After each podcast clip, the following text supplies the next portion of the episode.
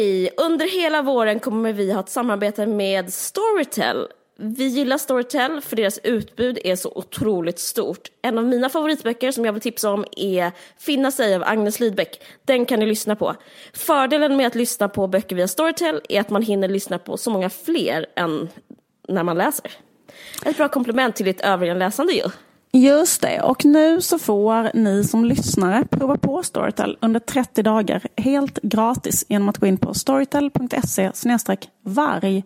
Tack så jättemycket Storytel. Tack.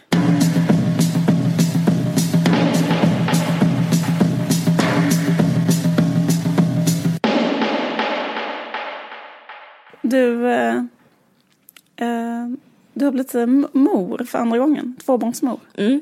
Mm. Grattis, så underbart. Tack. Tack, tack, tack. Hur mår du? Uh, ja, men jag mår... Uh, det är på olika sätt. Alltså på ett sätt så känner jag mig väldigt... Uh, som jag fått livet tillbaka. Jag känner mig väldigt överlycklig och liksom...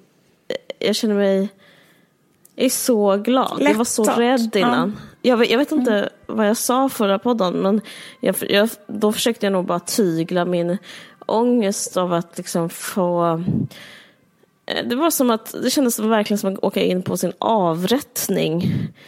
Uh, och det påminner om det, det var nästan så också. Alltså det var liksom mycket så här, um, det var väldigt obehagligt tyckte jag mm. att uh, åka in och föda in i, in i ovissheten. Och allt var så läskigt och hemskt. Och, uh, nej men jag har fått en helt frisk eh, underbar dotter med tio fingrar och tio tår. Och, allt, och hon är liksom helt... Ja, det är jätteskönt. Det är jätteskönt. Men hur gick själva snittet? Uh, jo, men alltså, det är så mycket, jag har fått så mycket insikter uh. med andra barnet. Och uh, nu finns liksom en sak att ha ett barn och ge råd. då är det så här, ja men jag kanske inte borde, jag har bara ett barn, jag kanske inte borde ge så många råd. Nu känner jag så här, Eh, råden ni liksom tar vägen hit, eh, kommer till mig. Eh, jag har liksom inga hämningar och nu så bara kommer jag, nu kör jag. Mm. men grejen är att jag bara känner mig så en, jag känner mig typ som, en, som jag blev som en slags munk av att föda eh, andra barnet. För nu vet jag allt. Mm. Eh, men det är rätt så lolliga insikter. Till exempel är att typ, det inte är fel på sjukvården utan att det är fel på mig. Mm. Eh, för jag har liksom första gången jag födde barn. Är det typiskt munkar? Är det en typisk? Nej, jag kan inte men... din buddhism så jättebra men. Precis. Eh, nej men jag menar med stilen munk. Det är så, nej skitsamma. Nej men jag vet det, jag eh, var ju så himla så upprörd och vi hade ett jättelångt poddavsnitt och folk så här, jag kommer ihåg den här skådisen Moa Gammel stoppade mig full på stan och tackade mig så här, du är den enda som vågar prata exakt om hur det egentligen är att få barn och typ sånt där. Mycket sån, sån stämning. Ja, liksom. du pratade, alltså det här du refererar ja. till är din, är din förra, Först, första födsel? Ja, ja, eller när jag berättade hur det egentligen är. Och, och den när jag var väldigt... drog ner byxorna på vården. Just det, den var väldigt dramatisk och då berättade du om det. Troligt. Och så fick du jättemycket reaktioner att så här, ja, det här känner vi igen oss i. Ja. Ja, typ så här, kvinnor hörde av sig, mammor, ja. inte pappor, men ja, olika kvinnor. Jo, men jag minns pappor som hörde av sig. Jag minns sådana här mejl från killar som, ja. som skrev så här, jag är en kille och jag upplevde exakt min, eh, min, mitt barns födelse på det här sättet, tack för att du berättar och sådär. Mm, skit i ja, det, jag bara ja. säga det. Mm. Ja, det var väldigt dramatiskt. Mm. Eller, eller var det inte dramatiskt? Var det själva verket så att det som var dramatiskt var jag själv, att det dramatiska färdas med mig. För nu var det ju så att jag gjorde ett planerat snitt. Mm. Och det alltså, och, och, men det är liksom, det var lika vidrigt skulle jag säga som, som ett akut. urakut snitt. Mm. Ja. Så att jag bara undrar om det, liksom, det finns, om det är på ett annat sätt. Att det, är inte med, det har inte med något med vården att göra, utan det har eh, kanske med den som vad ska man kalla det, utsätts för ja, vård. Ja. Jag ska inte totalt ta tillbaka det, för det var jättehemskt och läskigt och sådär. Men det handlar ju väldigt mycket om hur eh, man upplever det och eh, man, vilken roll känslor har i ens liv. Mm. Och eh, i mitt liv, eh, särskilt när jag är lite utsatt, så är det som, som, att det kan ta över och då blir det helt beskrivande. Alltså det kanske inte har någonting att göra med de andra människorna utan då blir det en slags bara projektionsytor. Men för att jag fick, eh, alltså det var helt fruktansvärt måste jag säga med planerat snitt och jag rekommenderar inte det till någon. Mm. Oh, förlåt. Uh, och, jag, och jag tar tillbaka det här med att det är en konspiration för att det kostar 60 000 med ett snitt och 10 med vaginalförlossning. Det är bara, det var, det var väldigt obehagligt alltihopa. Berätta. Det var, ja men, uh, vad ska jag säga? Men det var som så här, att uh, det kanske, okej, okay, en sak som var fel, det var att i mitt team, alltså det är 15 personer som är i ett rum, mm -hmm. då var det jättemånga som gick bredvid. Mm -hmm. Alltså det var typ en utbildningssituation. Mm. Och därför var det som ett helt klassrum som tog anteckningar på en själv. Och jag satt så här i, eh, på en brits eh, med, och visade liksom, med röven och ryggen eh, var liksom fria. Mm -hmm. Men eh, med en slags förkläde, pappliknande eh, kläder. Och sen så är det så här, det är intressant med vården och intressant var med de relationerna. Var det lite som Alice Bah Kunkes um, Nobelklänning? Kanske. Precis, det var det. Nej, men det som är intressant med vården är ju också att eh, man ska låtsas om som att samhället inte existerar. Till exempel så här, eh, utseende spelar ingen roll. Typ. Det är inget konstigt med typ blodbajs eller bröst eller typ kön. Mm. Det är bara, det, det, det, är typ, det ser vi på tunnelbanan. Typ. Sån stämning är det i vården. Att så här, det är inget med det. Typ. Och, eh, till exempel var det två stycken heterosexuella, svär att de var det, killar i min egen ålder som var narkosläkare. Mm. Och då skulle de så här, då skulle jag så här, naken, skulle, skulle, skulle de liksom hela tiden hålla på med min röv. Ja. Eh, och bara sån sak tycker jag är stressande, för i andra sammanhang skulle jag typ så här konversera dem på en fest och kanske, alltså du vet så här, men det var så himla så ovanligt att jag var helt så här, jag var naken och de var inte nakna. Och liksom, det var väldigt sånt som stressade mig jättemycket mm. och jag fick typ, eh, ja, jag fick så mer och mer ångest av den situationen. Och sen så gick det inte att lägga bedövning, vi har haft så mycket foglossning. Mm. Det här kanske är ovanligt i och för sig för mig och inte för, det har inte någonting med situationen. Jag har så mycket foglossning så att alla mina muskler blivit så spända så ingen bedövning når gen, kan sippra genom musklerna, för mina muskler är typ som, hårda som berg, eh, alltså av spänningar och sånt där. Och då så, då började den ena bara typ så här och, och liksom så här hugga med en sån bedövningsspruta. Eh, och han var underläkare. Och sen så var deras sociala, sociala hierarki mellan varandra blev så tydlig och smärtsam att se. För då var den andra överläkare, alltså de var lika gamla, den ena typ eh, underläkare och den andra överläkare. Och då var han så här, eh, du kanske vill byta händer? Har du hört det uttrycket innan? Nej. Nej men det betyder typ så här. Du vill ha några, någon annan som gör detta? Ja men precis, och, alltså det är jättemycket hierarki mm. som är tabu. Mm. Alltså det var så smärtsamt att behöva ha liksom alla så sociala koder och vara naken i ett rum och behöva liksom ha deras liksom sociala spel uh -huh. eh, bakom ens rum, nakna rumpa och sen så liksom tog den andra över, la bedövningen. Eh, alla tittade och antecknade. Alltså det var väldigt mycket sånt som var... Ja, och till slut slutade det med att jag bara satt där på britten och bara bad om alla om ursäkt. Och bara förlåt för att ni får vänta. Det ska ta en kvart, det tog eh, över en timme. Så jag bara, men förlåt, eh, jag ber så mycket om ursäkt. Eh, jag vet att ni har andra saker att göra. För jag var liksom också ett slags ångest, eh, närmare och närmare liksom ångesttillstånd. Ja. Så jag fick en, sån, eh, ja men typ en slags värdinneångest, typ, har alla fått något att äta typ, eh, tänkte jag på. Alltså det var sån stämning att jag bara, jag tog ansvar för varenda en i rummet, jag tyckte allt var så himla jobbigt. Det där är så jävla, alltså det där är som den där mardrömmen som man kan ha ibland, typ att man är värdinna på en fest och sen visar det sig att man är naken typ. Exakt! Det var så sjukt att det var så. Det var att den. Att, att, att mardröm... klassiska mardrömmen. Ja, att den liksom har ett, att det finns liksom en motsvarighet i riktiga världen och det var typ ett planerat snitt. Det var så jävla sjukt. Ja, men det slutade med att jag fick för mycket bedövning och då hade för mycket morfin i kroppen. Eh, och morfin eh, eh, har en bieffekt tydligen, som är att man, om man får för mycket, att man kräks jättemycket. Visste du det? Nej. Nej, okej, okay, så efter, sen gick allting jag jättebra. Jag trodde inte den hade några bieffekter. Nej, jag tror inte heller det. Jag har, alltid, jag har alltid hyllat morfin så himla mycket. Och jag gör det faktiskt fortfarande. Men, men om man får för mycket, mm. det, ena, det ena är väl att man kan dö, typ. Och mm. det andra, men den andra så här, B, bieffekt, mm. är att man, eh, man blir väldigt, väldigt yr.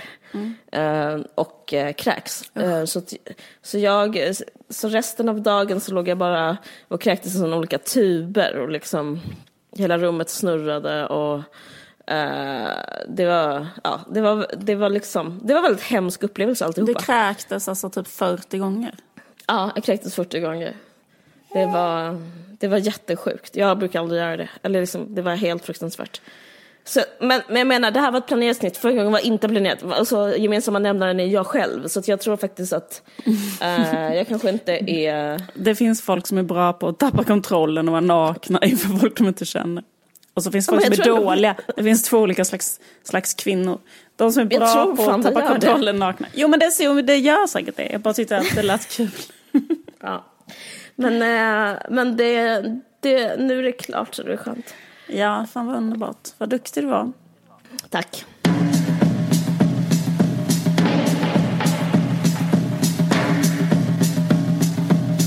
Jag eh, lyssnade på ett avsnitt av eh, Alex och Sigges podd för ett tag sedan. Mm. Och eh, jag ska bara spela upp. De pratade om vilka poddar de brukar lyssna på. Mm. Och då lät det så här. Jag lyssnar ju på några poddar. Lite oregelbundet. Vilka poddar lyssnar du på? Massor med poddar, men regelbundet lyssnar jag på Fördomspodden. Mm. Martin Wiklins söndagsintervju. Mm. Filip och Fredrik. Mm. Sen lyssnar jag på Hanna Mandas nya podd. Hanna Amanda, um, Hanna Amanda Report. Värvet. Värvet lyssnar jag på ibland när den är bra. Ja men det är väl typ, vi lyssnar väl på samma ungefär. Jag lyssnar ju på En varje söker sin podd också. Ibland har ju poddare det som kallas för frågepodd. Eller frågeavsnitt. Där ja. folk får liksom mejla in eller kommentera in frågor. Ja. Och då, nu har jag aldrig gjort det, men det finns bara en fråga jag skulle vilja ställa då. Mm. Alltså med versaler typ. Berätta om en dag ur er vardag. Alltså för att många av de här poddarna, jag, jag skulle bara vilja se en vanlig onsdag framför mig. Eller en vanlig rutten tisdag. Mm. Ja, ni har jättekloka åsikter om Bengt Olssons senaste krönika. Mm. Men hur ser era dagar ut? Mm. Ja, ni är filosofiska och smarta på alla mm. sätt och vis. Men ni talar ju ur ett vakuum. Mm. Hörde du? Mm, mm, mm, absolut, jag hörde. Känner dig träffad? Inte så. jag, jag, tror jag, jag tror han menar dig.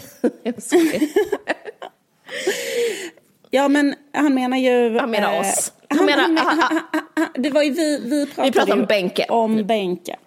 Men jag tror att också han är sur för att typ, eh, det var ändå så, rätt så intressant det vi pratade om Benke och att därför vill han typ säga, ja, Uh, även om det är intressant och relevant och uh, Sveriges bästa analys om Benke så säger inte det någonting om uh, vilka ni är som människor och därför är det ändå inte värt något. Jag tror det är kritiken. Ja. För att han inte hade så bra analys som Benke själv. Jag vet att det är så här. Det är hästens källa, eller hästens mun. Ja, men jag tänkte i alla fall på det därför att um, jag tänkte att eh, han kanske har rätt. Liksom, att det han har rätt. Så, att och, eh, det enda man vill höra om, för att om jag tänker på mig själv. Ja, men det är jättemånga eh, som har sagt det till oss när varje gång jag frågar så här, vad ska vi prata om? Prata om er själva, prata om er, liksom, var lite personliga, berätta vad som ni gör i ert liv och berätta, alltså var personliga liksom. Ja, precis. Men jag tänkte bara att jag skulle liksom göra eh, honom till viljes och bara berätta om en vanlig dag. Fan vad underbart. Idag är det ju tisdag. Yep. Eh, efterfrågan gällde, eh, vad heter det, vad gör du en helt vanlig sketen tisdag? Eller hur? Ja. Ska jag berätta det för dig, Caroline, och alla ja. våra lyssnare, punkt för punkt? Hur ser en vanlig dag i mitt liv ut? Men ska, får jag bara fråga, ska man inte, man ska inte alltså liksom, ska man försöka vara underhållande eller ska, ska man bara vara liksom... Eh, bara berätta. Rapporterande eh, liksom. rapportera. Vad, vad vill han ha? Vad vill han ha? Uh, jag tror att han vill ha en, en alltså, klockslag för klockslag, vad som sker på en frukost. Vad är värt att okay. frukost? Det vill, jag, det vill jag också, jag delar hans uh, känslor. Det vill jag ha. Okay. Det, det, det, är lite samma, det är samma upplägg, det är ett klassiskt upplägg. Det är det här upplägget En dag i Ivan Denisovics liv. Det finns en klassisk. Ja, eller SvD Perfect Guide, Min helg. Det är ju helt underbart. Just det. Kör. Så spänd nu. Exakt. Då börjar min dag så här, min helt vanliga tisdag. Jag går upp mellan kanske sex och halv sju. För Vänta, vad min... är du? Vad är du? I Malmö. Mm. jag är i parkernas stad, mm. Malmö. Mm, mm, mm, mm eh, och eh, vaknar mellan sex och halv sju för att vakna min bebis, min son. Går upp med honom. Eh, gör en kopp te. Eh, ammar honom. Om jag har mina andra två barn som mm. jag har på deltid så gör jag liksom också då frukost till dem och tar iväg dem till skolan. Vad, vad, vad blir det för frukost? Är det samma varje dag eller? Mm. Är mm, vadå? Eh, nu har de börjat käka knäckemacka med tahini, alltså sesampasta. Knäckemacka med sesampasta. Mm. Och kanske ett glas nyponsoppa till det. Jävligt god frukost faktiskt. Kan du tänka dig? Ja, det känns liksom, det, det, de har, eh, sist jag åt på, eh, sist jag åt tahini var det på, på Moflora. Då kostar en rågmacka med avokado uh, 65 kronor och tahini. Alltså det känns trendigt. Um, mm.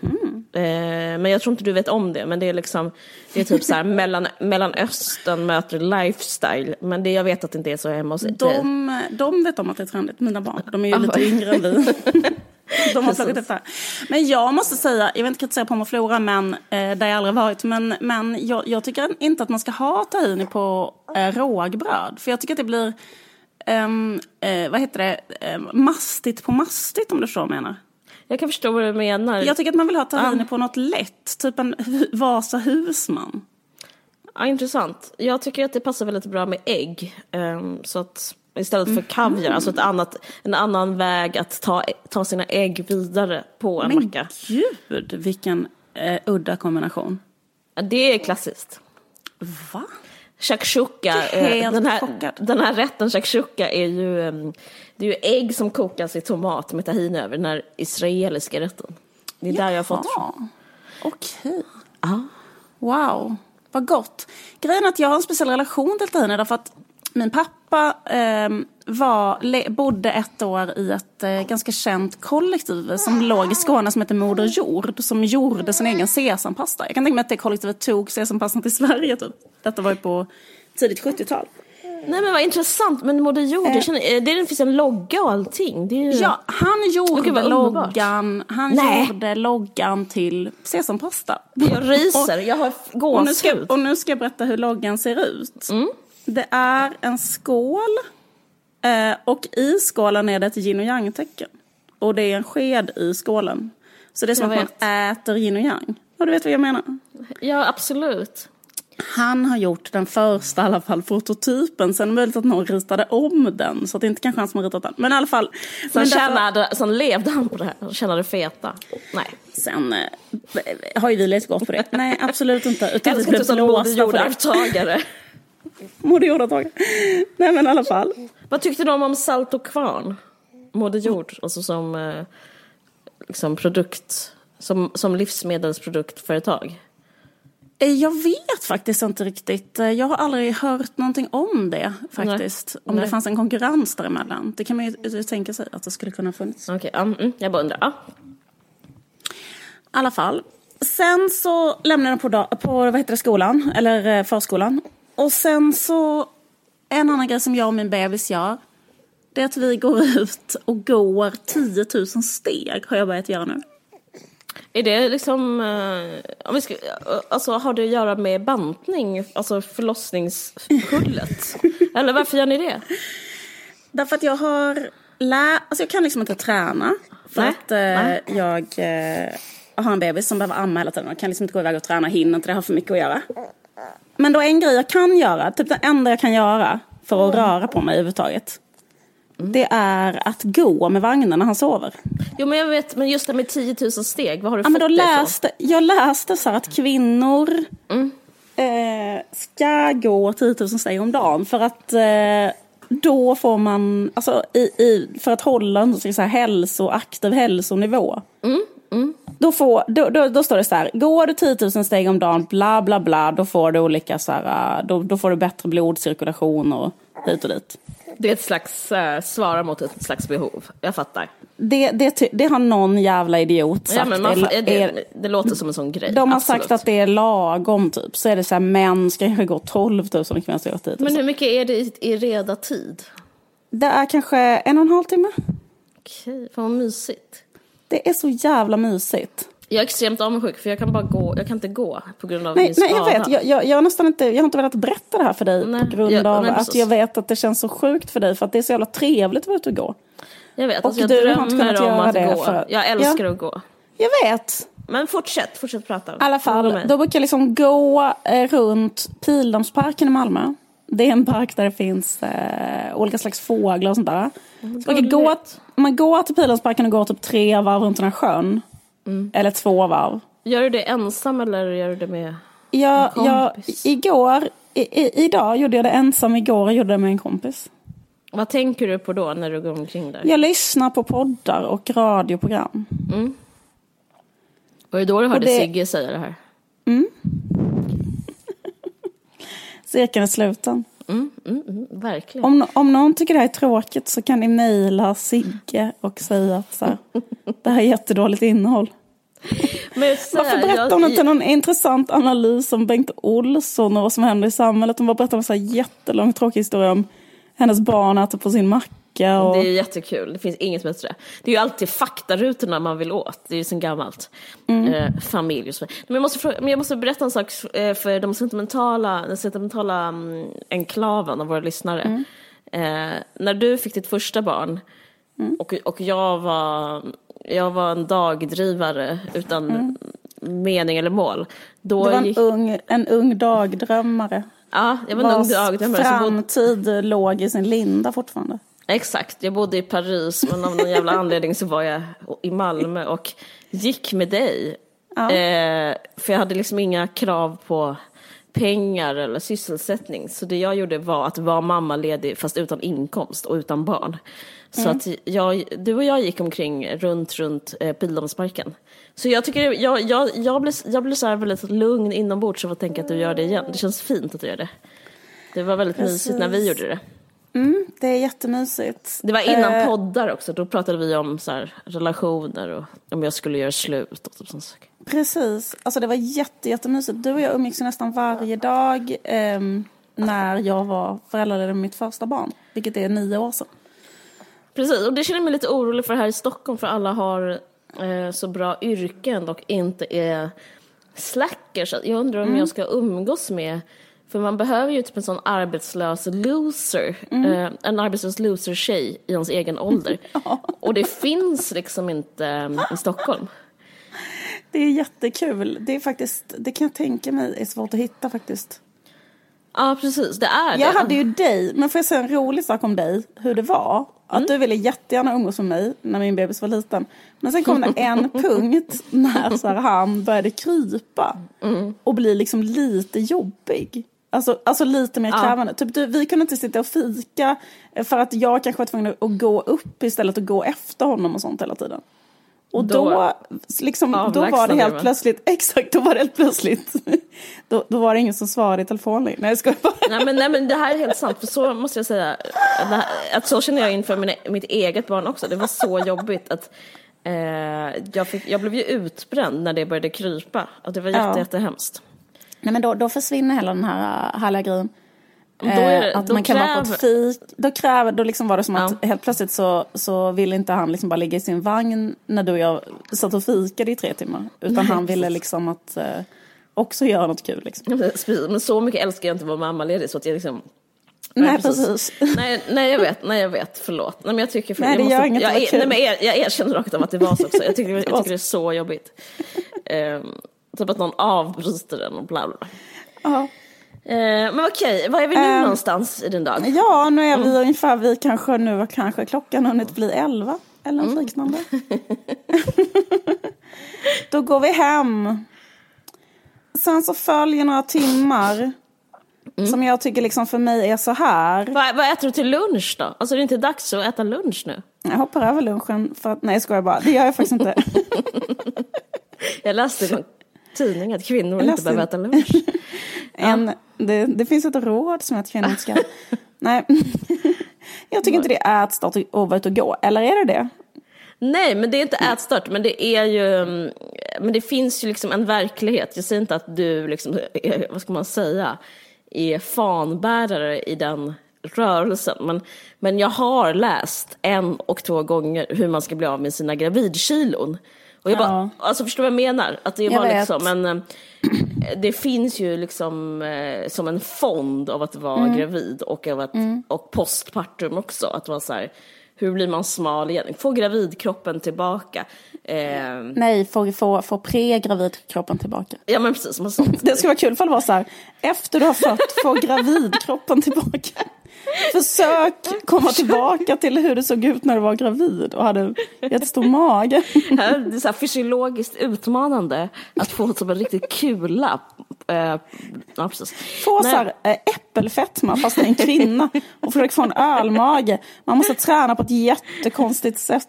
Det är liksom så här, man måste ha en PT och verkligen så kämpa så in i helvete för att kunna se ut så en gång till. Eh, Ja, för jag, jag hörde att um, jag har en, eh, en, eh, en bekant som är utmattningsdeprimerad, och, eller har en utmattningsdepression. Och eh, den här personen berättade för mig att de varnar folk som, som har utmattningsdepression för att hålla på med det här med de här 10 000 stegen och så. Alltså jag vill bara säga det också, nu när jag sa det, att, att man kan gå 10 000 steg om dagen för att då är man Eh, för det är typ hälsosamt för kvinnor. Men tydligen kan det också bli ohälsosamt med den där jävla appen. För att om man är en sån overachiever då kan man bli så här. Jag måste gå 10 000 steg om dagen, förstår du vad jag menar? Och så, ja, så, man göra så, här, så är det ju 100 procent. Eh, och, och, och, istället för att träffa en kompis så ska jag gå de stegen. Eller du vet, då, att det, den appen, för nästan alla har ju en sån på sin mobil, alltså en stegräknare menar jag. Ja, visst, ja, visst. Att eh, man kan liksom se, börja titta på den. Mm. Och eh, därför så känner jag mig nu tveksam till att ha spridit ut det här i den här podden. För grejen är att jag sa detta till en kompis. Det här gör ju dig mänsklig. Alltså det är det här Sigge vill ha. Det här gör ju okay. dig sårbar. Du, för det här är inte nödvändigtvis rätt av dig att berätta det här. Nej jag vet, men grejen är också att redan att jag berättade, för jag berättade det för en kompis, en annan kompis, att jag gick 10 000 steg om dagen. Och då så sa hon nästa gång hon träffade mig att hon direkt hade så spridit ut det hos alltså andra kompisar. Och att det hade blivit en sån hets. Eh, att alla hade börjat göra det, gå 10 000 steg. Och sen hade det blivit en sån här grej att du vet. Att man eh, fuskar med sin telefon. Typ att man alltid, och det är så har jag märkt att jag är också. Till exempel nu så här, jag vill att jag ska ha gått 10 000 steg om dagen. Men då kan det vara så att man inte har med telefonen. Typ om jag går och handlar, så att jag går och handlar och mm. lämnar telefonen hemma. Då mm. registreras inte det att jag har gått till affären. Mm. Och då liksom är jättenoga med att hålla på att ta med min telefon bara för att jag vill registrera steg.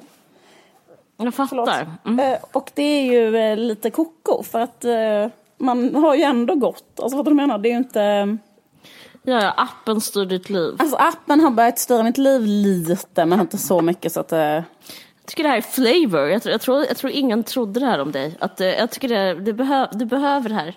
Eh, liksom kryddar man tror att Malmö bara är tahini på, på såna på knäckebröd. Men nu är det liksom som lite, lite konstigt och neurotiskt över alltihopa. Ja. Och att det, ens, att det finns massa tjejer i Malmö som går omkring som hetsar varandra, det trodde inte jag heller.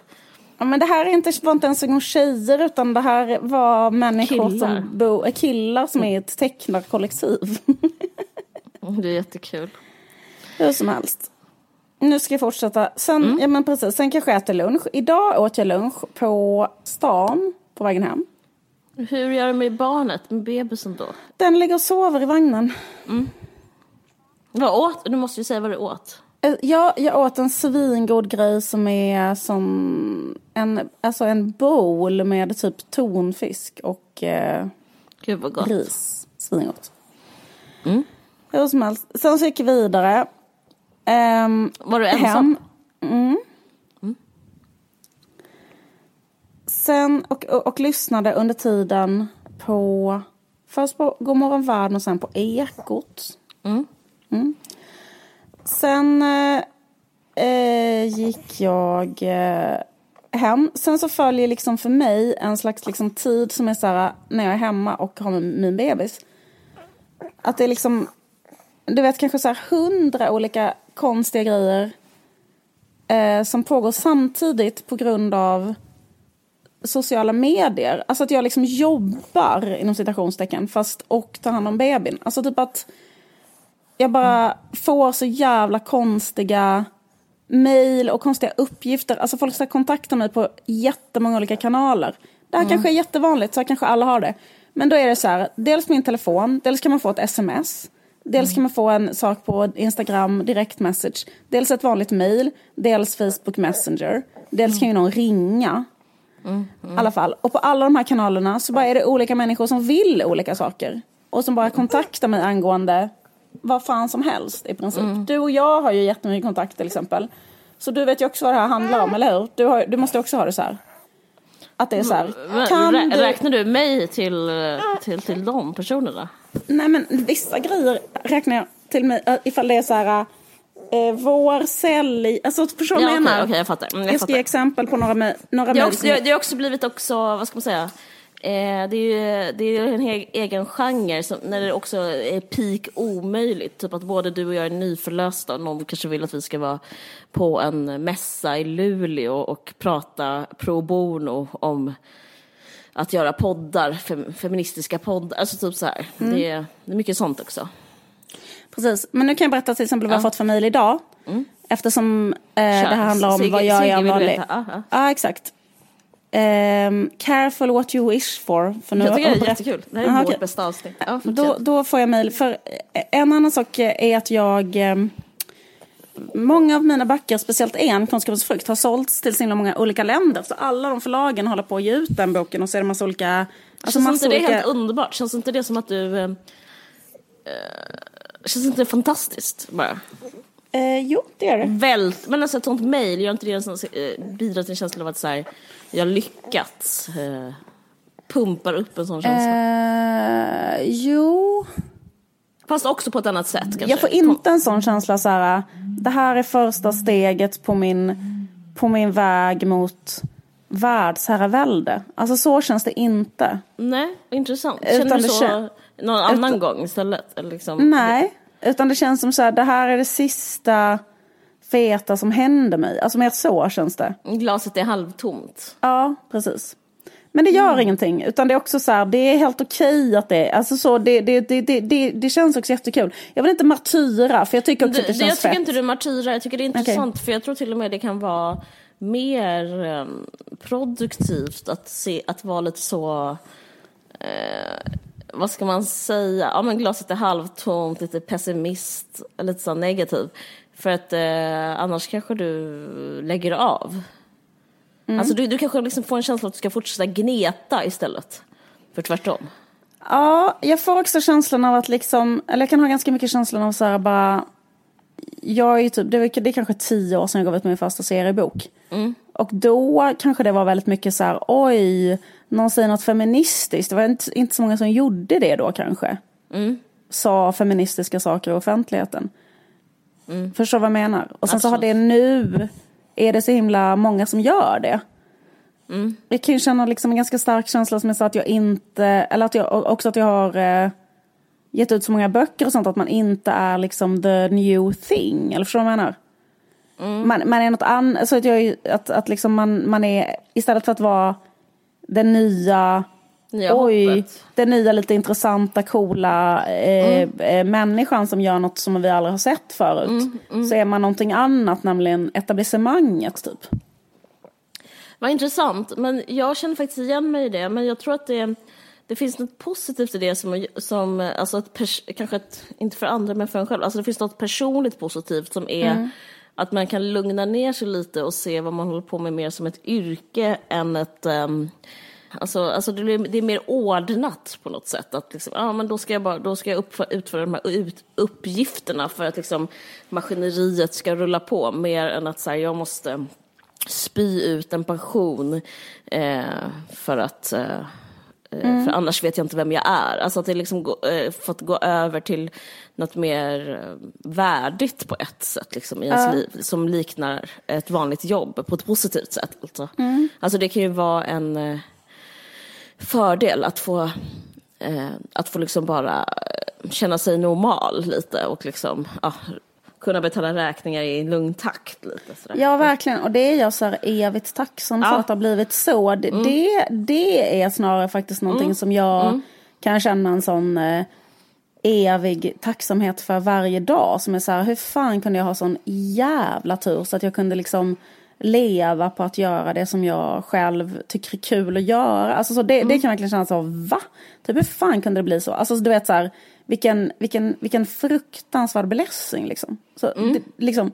Men, och sen, men sen, och apropå att känna sig så, jag, jag lyssnade på en intervju med Jay-Z mm. på YouTube.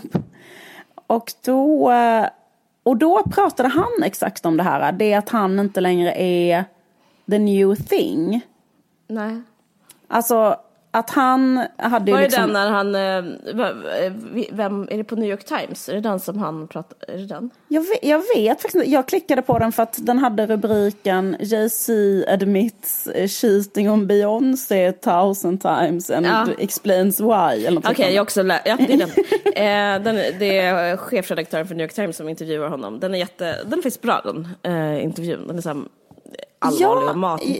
Jag tyckte att det var ganska bra, man får ganska bra bild av hur han är. Men mm, han, sa, eh, han sa en grej, han sa ju tyvärr inte typ varför han varit uttagen mot Beyoncé. Det var en, alltså det kan vi säga redan nu, så att det, det var bara Nej. ett clickbait. Det var det, och jag, eh. jag, jag scrollade fram och tillbaka på den jävla tidslinjen. Och, alltså, man, man får inte reda på det. Man får inte reda på det, utan man får lite mer lågmälda livsvisdomar av honom. Men det var faktiskt en sak som han sa som jag, som jag tyckte var jävligt intressant. Som jag som jag tänker på själv då, liksom att, att eh, för, för då frågade den rapporten honom just den här grejen, bara, hur känns att det inte var the new thing mm. liksom? Och då sa han bara så här, nej men det är liksom en era, att det, är, att det finns liksom yngre då uh, hiphop artister som är mycket, mycket mer så här wow, det är här det nyskapande, jätteintressanta händer nu och bla bla bla. Men att han fortsätter att göra det som han kallar för the truth. Mm.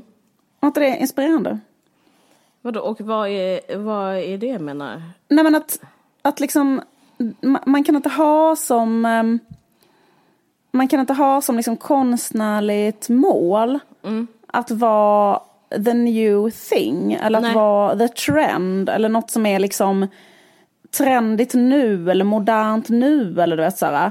Att mm. liksom att hålla på att ha det som någon slags um, eh, vad ska man säga, eh, må, alltså, så rättesnöre för liksom, vad ska jag göra för slags konst. Om jag vill vara den här nya, nya coola grejen konstant. Liksom. För, det, för det är helt omöjligt. Liksom. Och, och det också är ointressant liksom, konstnärligt för en själv. Exakt. Ja. Så det man själv ska hålla på med är bara att hålla på med the truth. Ja men the truth, okej okay, det, det Alltså hans, han menar då såklart sin mm. egen truth, mm. att vara true till liksom vad det är han själv vill berätta eller vad han själv tänker just nu. Eller, du vet, så här. Jag det är så det är underbart. Det är så, ja, det, det, det är jätteinspirerande. Det är så skönt att höra det där. Jag vet. Mm. Det, det är liksom avslappnande. För det finns ju någonting annat som är så här, att just vara the new thing och vara liksom... Hypad typ. Ja, eller så det här har man inte sett innan. Alltså det, den, den typ av krav mm. som är mm, att välta över eh, det rådande med, med det man själv kommer med. Eh, men det finns en annan grej som jag lärde mig på eh, när jag läste konstvetenskap, som, mm. som, är, som är ännu mer basic, men jag vill bara säga det ändå, för det påminner om det. Som det och då var det som att vi lärde oss, det var i Lund, konstvetenskap A mm. tror jag, då var det så här, var en bisats så var en föreläsare som sa så här, ja alltså all konst handlar bara om eh, döden, sex, Gud, kärlek kanske. Mm. Eh, typ, så, så det är det konst handlar om. Anyway, och så förstår du att det var så himla skönt mm. att bara så här, att inte behöva komma på komma på eh, att behöva uppfinna själva tematik, eller själva, liksom, ja. själva pelarna, grundpelarna för vad, eh, alltså att, att, att, att allting handlar om, och alla som gör det här liksom egentligen är inte individer utan de delar, man delar samma typ av frågor men man, och alla får dela de frågorna och det har ingenting med så kvalitet att göra utan det är bara liksom, det är det som är själva Alltså döden, alltså jag vet inte om jag sa ordet livet, men alltså att det var så otroligt allmänt. Alltså, kanske på medeltiden lite mer om Gud, eh, liksom, på 1700-talet lite mer om döden, men ändå liksom att det är bara ja, det är samma uh, liksom eviga tjötande liksom, eh, om och om igen på olika ja, sätt. Det, det, eh, det är också lite, lite lugnande liksom, att mm. det bara är så. Mm. Det, eh, och egentligen kanske bara finns ett ämne. Eller finns bara, är det inte bara döden och sex? Typ? Det är typ antingen ja, eller. Alltså typ men, att... jag tror Gud var ändå liksom, i alla fall förr i tiden så var det någon slags Ja just det, om man tittar på... det kanske är döden också. Men är inte det döden jo, eller sex jo, jo, också? Alltså typ att så här, antingen är det Jesus, en sexig Jesus mm. som har dött, liksom. Mm. Eller så är det en, ja, en typ av naken kvinna. Ja. Men äh, hade inte också Freud liksom en, en tanke om det att man kan skapa, att man bara skapar antingen med dödsdriften eller livsdriften? Och livsdriften är sexdriften typ. Så antingen så har man en dödsdriftsskapande eller ett mm. livs... Ja, skitsamma. Eh, eh, men men eh, vi ska fortsätta beskriva min dag.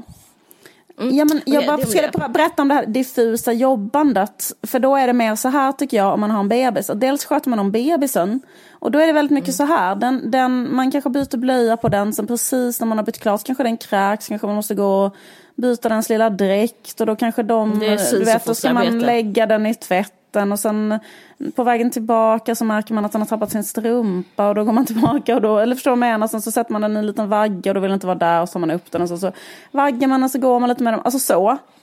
detta sker i en loop hela tiden. Mm. Och det, är, andra... det, det är icke-linjärt, icke-linjär sysselsättning, alltså det är, det är liksom det händer liksom, det är déjà vu att ha en bebis, alltså hela, hela tiden upprepning. Den går i en cirkel av att vara ja pigg för den vaknar, glad, vill jag äta, långsamt blir lite mer tröttare, blir lite gnällig och då vill jag somna, då somnar den. Vaknar, glad, alltså så. Och så, ja, så, så går det bara som en liten gullig cirkel hela tiden. Men det är jätteunderbart att vara med min bebis och jag är liksom lycklig hela tiden för att jag är med bebisen. Mm. Så det är en del av dagen också. Mm. Och sen i andra änden av dagen så är det olika mejl. Och då kan jag bara ta ett exempel på ett mejl till exempel idag fick jag ett mejl då, då, då, ska den här boken komma ut i USA. Mm, då är det, att de kul. Har, mm, jätte, jätte, jättekul. Det känns faktiskt skitkul. Men då, har en, äh, då är det jättemycket strängare i USA med allting. Så då har de gått igenom alla fotorättigheter i hela boken. För det finns jättemycket foton där. Så då har jag fått en lång, lång lista från min förläggare där det står så här. Miss dear Miss Strömquist, you have to please can you on page 67 uh, replace the photograph of Nelson Mandela to a drawing. Så här, kan du, kan du um, mm. rita? Så, eh, liksom, jag har sån, kanske en uppgift att rita Nelson Mandela med en penna istället för att han ska ha ett foto. Jag fattar. Kanske ett annat mejl. Precis. Um, Mysigt. Jag tycker stämning att de håller på med det. We don't want to get sued, Miss Strömquist. En annat, ett annat problem är att det är ett vapen på omslaget eh, av Kunskapens frukt. Ja, det, det är stelt, stelt Och nu. det ska de retuschera bort på grund av det som har hänt. Eller att det liksom är en så stor eh, konflikt i USA med vapen. Vilket man verkligen kan förstå. Det tycker jag låter eh, klokt. Så inte du blir så här förespråkare av the NRA och sånt där. De tror att det blir så här Chicks with Guns, eh, att det är någon Chicks with Guns bok som älskar NRA. Och ja. det är inte det crowdet man tror kommer vilja köpa boken. Därför Nej. vill de då liksom ta bort den. Sådana slags mejl. Det tycker jag är jätteintressant. Alltså man skulle kunna, du skulle kunna missbrukas typ av en sån coola unga republikaner skulle kunna ta din bok. Och, eh, Precis. Ja. Anledningen till att det är ett vapen är för att det är en vad heter det, parafras på ett verk som Wally Export har gjort som en österrikisk konstnär som hade ett vapen så.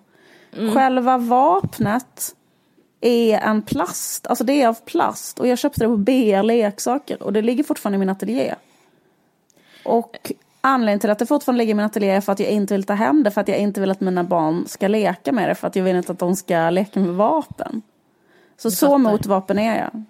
Vill jag ändå, ändå lite dubbla standard att du sprider vapen. Precis. Men vapnet... ja. Det är lugnt, det är lugnt. Ja, i alla fall. Sen, ehm, ja men det om det. Och sen så hämtar jag mina barn kanske vid 15 från eh, skolan. Mm. Och sen så går jag med dem till uh, antingen, uh, ofta, typ nästan alltid, till en träning. Deras Står, träning? Deras träning, exakt. Står och kollar. När de spelar fotboll eller gör taekwondo. Och då försöker jag inte, liksom de anklagar mig för att uh, inte kolla när de alltså, tränar de andra föräldrarna står typ och skriker så här hysteriska grejer till sina barn och jag kollar alltid på mitt Instagram typ.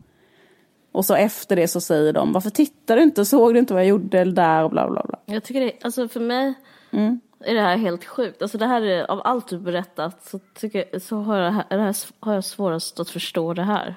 Mm. Att det... se det framför dig, eller att tänka dig, du, det här, du vet att detta är din framtid, 100 procent. Ja, men liksom att, nej men det här, det här handlar om överlevnad, att jag måste, för, du får inte, jag måste fortsätta inte förstå det för att kunna leva. Du kommer från ungefär de är kanske fem, mm. alltså kanske en, jag vet inte hur lång period tills de kan gå själva fram och tillbaka, kanske de blir elva. Jag, tar nästan, jag har förstått det, att det är liksom en, en ålder som träder in efter att ens barn är så här, i småbarnsåldern. Så kommer en ny fas där det jobbigaste inte är att liksom hindra dem från att stoppa en grej i munnen typ. Utan det jobbigaste är då att man hela tiden måste gå fram och tillbaka mellan så olika handbollshallar och sånt. Okej, okay. och jag har alltid varit väldigt arg på mina föräldrar för att de aldrig gjorde det. Men jag undrar, att, jag funderar på att ändra perspektiv. Ja. Kanske att ge dem rätt. Det låter så fruktansvärt. Fast det kanske är inte det. Kanske, alltså jag, jag, ska inte säga, jag säger inte det är fruktansvärt. Jag säger bara att det, det låter så, mm, eh, så realistiskt på något sätt. Så social realism. Mm. Alltså för mig så måste Känner man lycka, alltså känner man, blir man, eh, kan man få ut någonting av det? Man får ut någonting av det för att man, man kan liksom så här man ser bitar av samhället som man aldrig någonsin hade sett annars. Man träffar ju folk eller ser folk eh, som man aldrig annars då skulle ha interagerat med. Och det kan ju vara ganska intressant. Man bara, jaha, fanns ni och var, var har ni varit och så vidare. Mm. Och sen för mig, för då, alltså det jag glömde säga är då att mm. min eh, eh bättre hälft har kommit hem då innan. Mm. Och då, kan han, och då kanske han har bebin. Så för mig är det lite me-time också, för då sitter jag på en bänk istället och tittar Scrollar. på mitt Instagram. Mm, det låter fan mysigt. Nu, mm. Jag förstår, jag är med mm. dig igen. Sen går jag hem, äter kvällsmat, går och lägger mig kanske klockan nio, halv tio. Upprepar samma dag saker imorgon. Vi kommer fortsätta vårt samarbete med Malmö stadsteater, vilket vi är väldigt glada för. Yes, den 24-25 april så spelas föreställningen Vinnaren tar allt på Malmö stadsteater. Just det, och det är en politisk kabaré.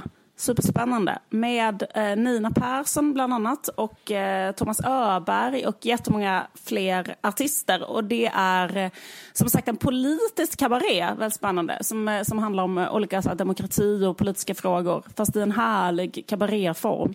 Härligt. Och mm. vi kan erbjuda 25% rabatt på biljettpriset. Man använder koden VARG när man köper biljetten så får man rabatten. Mm. Och det går bra att köpa biljetten på Malmö Stadsteaters hemsida, så gå och se den. Yes, tack Malmö Stadsteater. Tack så mycket. Men jag tyckte också det var intressant, en sak som jag tyckte var intressant med det som Alex och Sigge pratade om, det var att de berättade vilka poddar de lyssnade på. Ja, det kan vi göra också. Men det blev jag helt jävla chockad över. Vad fan lyssnar de på för poddar? Men där tycker jag, du måste du analysera. Nej men allvarligt talat, alltså förlåt. Det är inte jag sant. Vet... De lyssnar inte på dem. Det är inte sant. Tror du inte? Nej, jag hörde, jag hörde också avsnittet. Ja. det är, det är, uff, det är som lögn. Det är, de, alltså det är, det, det är bara mm. PR och terrorbalans. Men vad tror du de lyssnar på egentligen då? För att jag bara tänker så här, nu vet inte jag ens vad Fördomspodden är. Jag har fördomar mot Fördomspodden, men jag tänker att det är så här. Lyssnar jag på. Ja okej, men vad är det ens för något? Den, den är, det är en typ en kille från landet som ställer frågor eh, till kändisar som han, han har tänkt väldigt mycket på typ vad kändisar mm. gör och sånt där. Så typ, eh, om jag skulle säga, om jag skulle vara han, han heter Emil Persson, han är väldigt duktig. nu, nu, nu är jag exakt som de är, bara ljuger för att hålla någon slags... Jag, ja. jag, bara, jag, jag har ingen åsikt om han är duktig eller inte, men bara, man säger ju det för att man ska vara artig i poddvärlden tror jag. Så här okay. i alla fall. Ah, ja. Att de kanske, eh. är, att de kanske är på samma bolag eller någonting? Nej? Nej, det handlar om uh, att de ses på Brillo sen. Och, och sen så handlar det om att alltså, är det därför det han säger att han lyssnar på en Vargsaxen-podd för att han har träffat dig på Nej. Brillo? Nej. Nej okay. Oss lyssnar han på. Mm -hmm. För han brukar höra av sig till mig. Och, säga, och kunna och säga, analysera eller kritisera våra avsnitt. Okej, okay, okej. Okay. Så han lyssnar på oss och han lyssnar också på Filip och Fredrik. De Men lyssnar att, inte jag på. Och, de lyssnar jag på. Okay. Vi säger snart vilka vi lyssnar på, mm. men jag ska bara säga en sak om. Men att Alex Schulman mm. lyssnar på Hanna och Amanda Report. Det är, lögn. Är, ja, men det är sån lögn så att... Eh, det är så mycket lögn var, så att han borde bli åtalad för fake det jag var, Ja men det var roligt. Det var bra, den var bra liksom. är det något jag verkligen, alltså för jag tycker så här med poddar, att, det, ja. att man... Eh, alltså finns det någon podd som du har lyssnat på verkligen så här, åh, flera, flera år? Uh, för jag tycker liksom att poddar... Fredagspodden började jag lyssna på eh, för jag tycker... ett år, i ett år sträck skulle jag säga. Och sen så har jag också lyssnat på Filip och Fredriks podcast. Men alltså så här, varje avsnitt i ett år? Mm. mm. Eh, fredagspodden är sån för mig. Ja men exakt, för det är typ den enda såna också för mig. För annars så tycker mm. jag att liksom man kan lyssna på ett avsnitt och då av olika mm. saker. Men det är ju få poddar som man liksom som, som eh, jag tycker att man tröttnar väldigt snabbt, eller? Ofta. På, alltså typ att man kan ha så här, wow den här var så kul. Och sen efter fem mm. gånger så bara, fan vad tråkig den är. Mm, men jag tycker, jag är nog mer vanlig människa. Jag lyssnar på, jag lyssnar gärna på Fredagspodden, Alex och Sigge och Filip och Fredrik. De lyssnar jag på väldigt regelbundet. Men nu låter det som en diss, men det som är för mig att jag har väldigt stora så här sömnsvårigheter och alltid haft. Och för mig så läste jag om hur man somnar bäst. Och det är faktiskt av en annan människas... Alltså, det är som att poddar är som, fungerar jättemycket som så insomningsmedel. Mm. Och, eh, så att jag, jag lyssnar aldrig i mitten, jag lyssnar bara i början och slutet. Och eh, sover däremellan. Det är ett sätt för mig att sova. Alltså jag um, har lyssnat, den, den podden som jag har lyssnat mest på så här bara varje vecka, alltid lyssnat på, är också Fredagspodden. Mm. Och jag tycker att den ofta varit så jävla bra. Och att de verkligen förtjänar liksom att de har haft så mycket lyssnare och så. För att mm. det, är det någonting som de liksom är väldigt bra på så är det faktiskt att göra podd. Jag tänkte på det här, att liksom folk håller på säga, säger om dem ofta, så här, om Hanna och Amanda, bara så här, det är så fantastiskt med dem för de är sådana bra affärskvinnor och de är så imponerande för de är businesswomen, de är entreprenörer hit, hitan och ditan. Mm.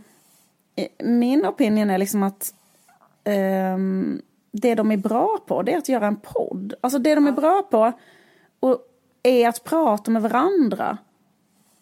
Och ibland, vissa delar av den podden är alltså sånt jävla guld. Alltså. Ja.